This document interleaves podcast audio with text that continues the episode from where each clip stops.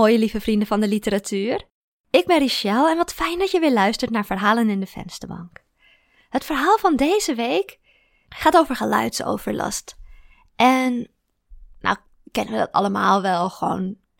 je hebt altijd wel een keertje last van muziek die te hard staat of van als bij de buren wat geboord wordt.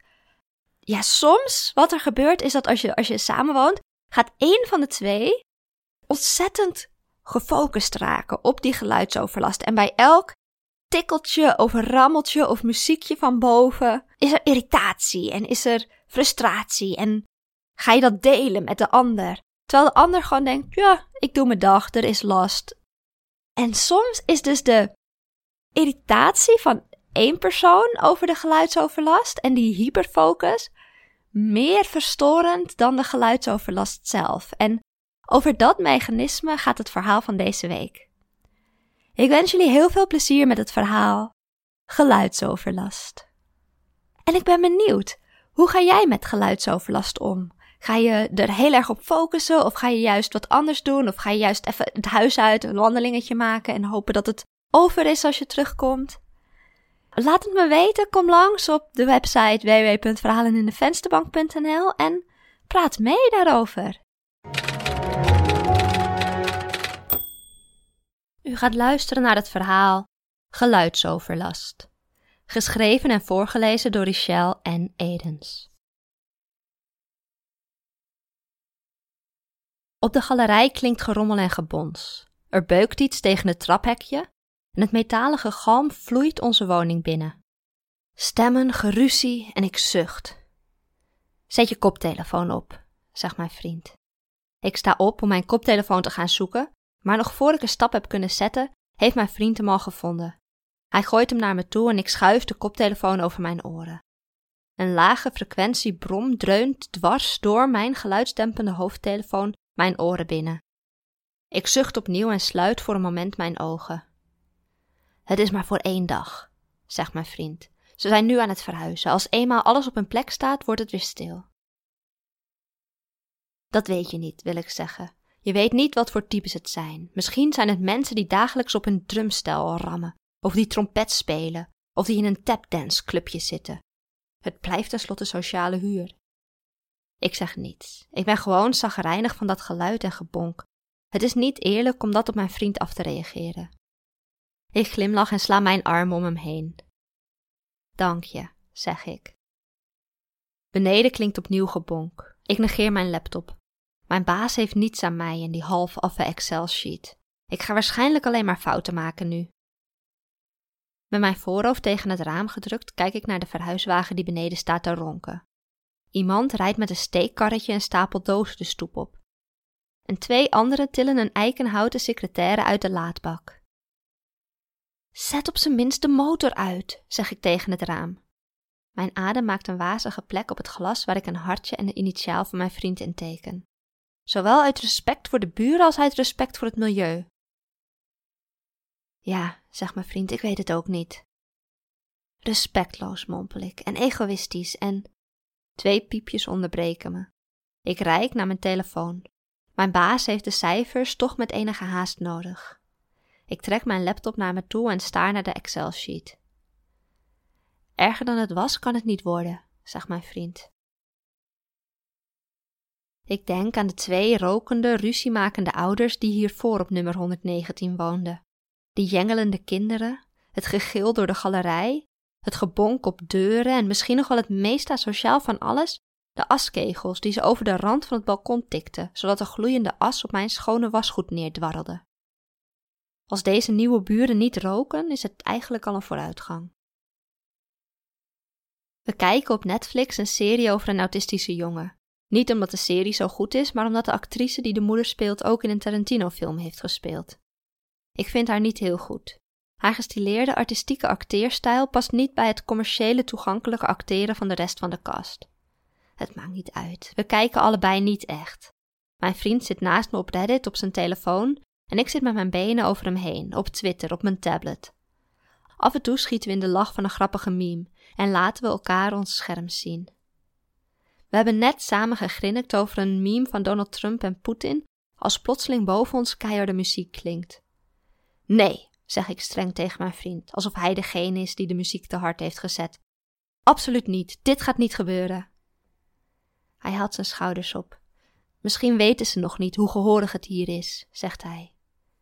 Ik kijk hem aan, mijn hoofd een beetje schuin. Ik wil iets gemeens zeggen, maar ik houd mezelf in. Misschien is dat het, zeg ik. Hij knikt en klopt me even op mijn knie. Misschien moeten we naar boven lopen en kennis maken. Dan kunnen we ze meteen vertellen dat het hier veel gehoriger is dan ze denken. Nu, zegt mijn vriend vermoeid. Zullen we niet tot morgen wachten, tot ze wat tijd hebben gehad om uit te pakken? Nu is alles nog beton, dat maakt het ook erger. Ik kijk even naar het plafond en knik dan. Morgen, zeg ik. We liggen in een donkere slaapkamer. Mijn voet tegen de voet van mijn vriend. Verder mag ik hem niet aanraken s'nachts. Ik mag alleen wat voetje vrijen.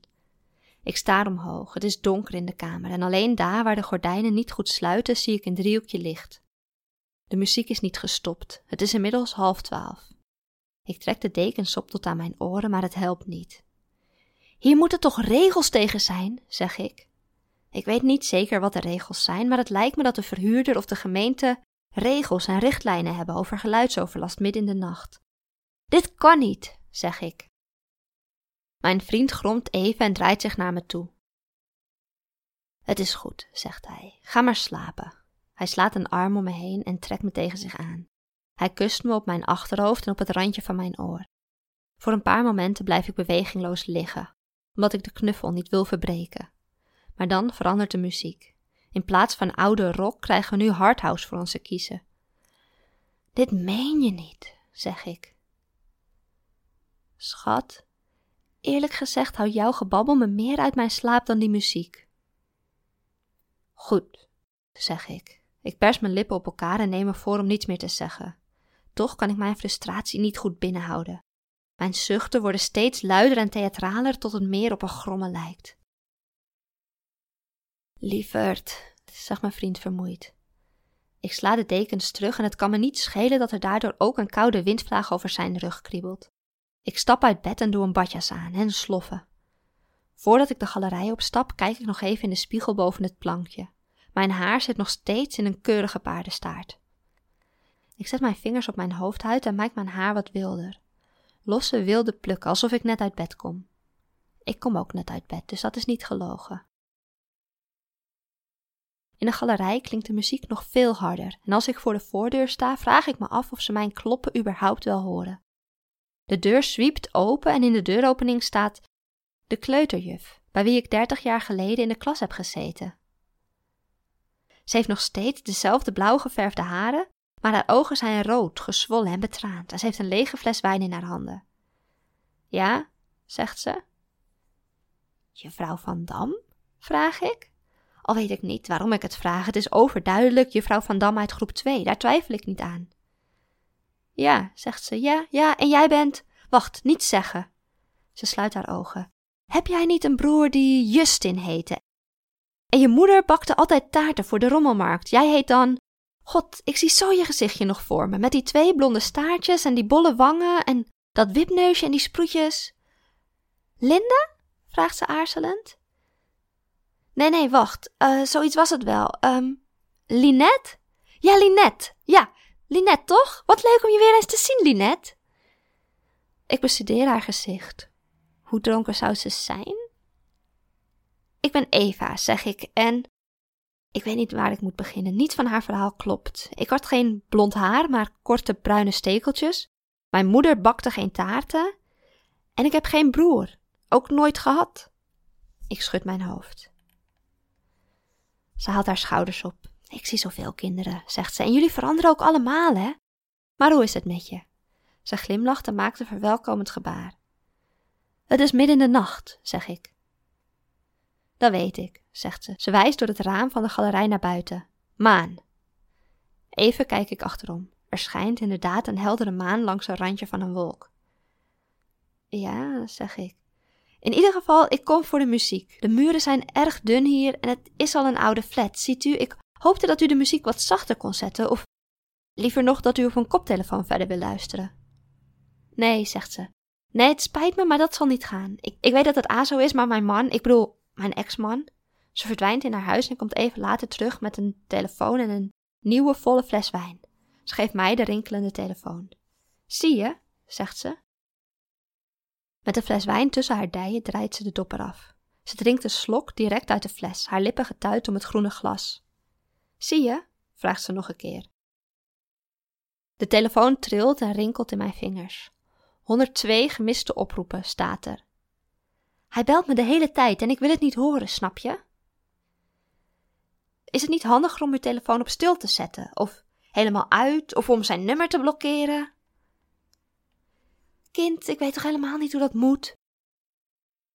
Oké, zeg ik, mag ik? Een moment later heb ik het nummer geblokkeerd en het rinkelen stopt. Mijn kleuterjuf kijkt me verbaasd aan en daarna kijkt ze naar de telefoon. Nu kan de muziek uit, zeg ik. Ik gebaar richting de rest van het huis, maar ze blijft verbijsterd staan. Muziek? zeg ik nog een keer. Ze schudt haar hoofd, tranen wellen op in haar ogen. Nee, zegt ze. Nee, nee, nee, hij, hij stalkte me maar een piepklein beetje. Niet echt, niet. Ze veegt met de rug van haar hand langs haar gezicht. Hij is niet gevaarlijk.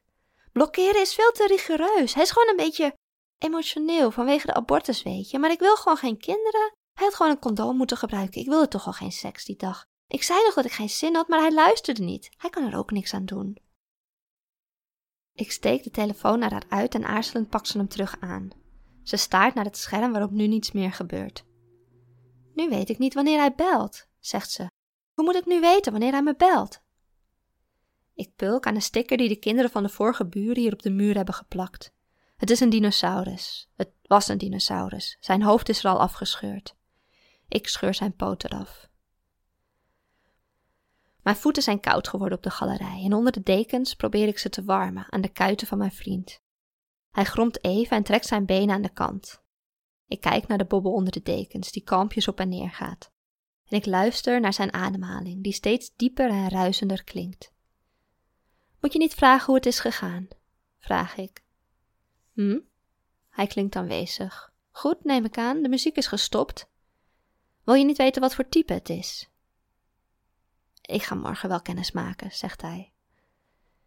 Het is een tijdje stil. Mijn hand glijdt in mijn onderbroek en ik speel met mezelf. Niet omdat ik geil ben, maar omdat wat friemelen me soms helpt om in slaap te vallen. Vandaag helpt het niet. Ik zucht en trek mijn hand weer terug. Een kleuterjuf, zeg ik. Mijn vriend geeft geen antwoord. Mijn kleuterjuf, ga ik door.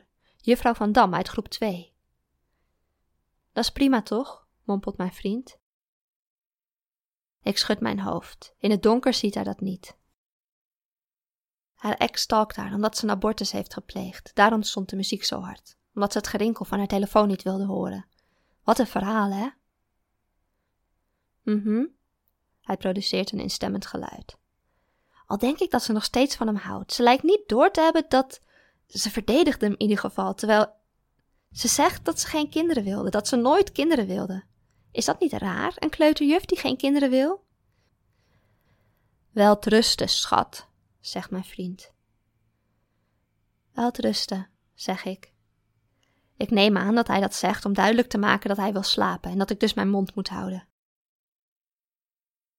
Ik bijt een velletje van mijn pinknagel. Het scheurt iets te ver in, maar in het donker kan ik het druppeltje bloed toch niet zien. Ik zuig op de pijnlijke plek. Naast me klinkt zijn ademhaling dieper en regelmatiger. Weet je, zeg ik, dat was best wel raar. Ik heb er nooit bij stilgestaan dat kleuterjuffen een leven hebben buiten een klaslokaal. Ik bedoel, als ik er even logisch over na had gedacht, had ik het natuurlijk kunnen weten, maar als kind dacht ik gewoon: ik weet niet wat ik dacht. En daarna heb ik nooit meer over kleuterjuffen nagedacht en wat ze doen in hun vrije tijd. Denk je dat ze nog steeds kleuterjuf is? Shh, zegt mijn vriend.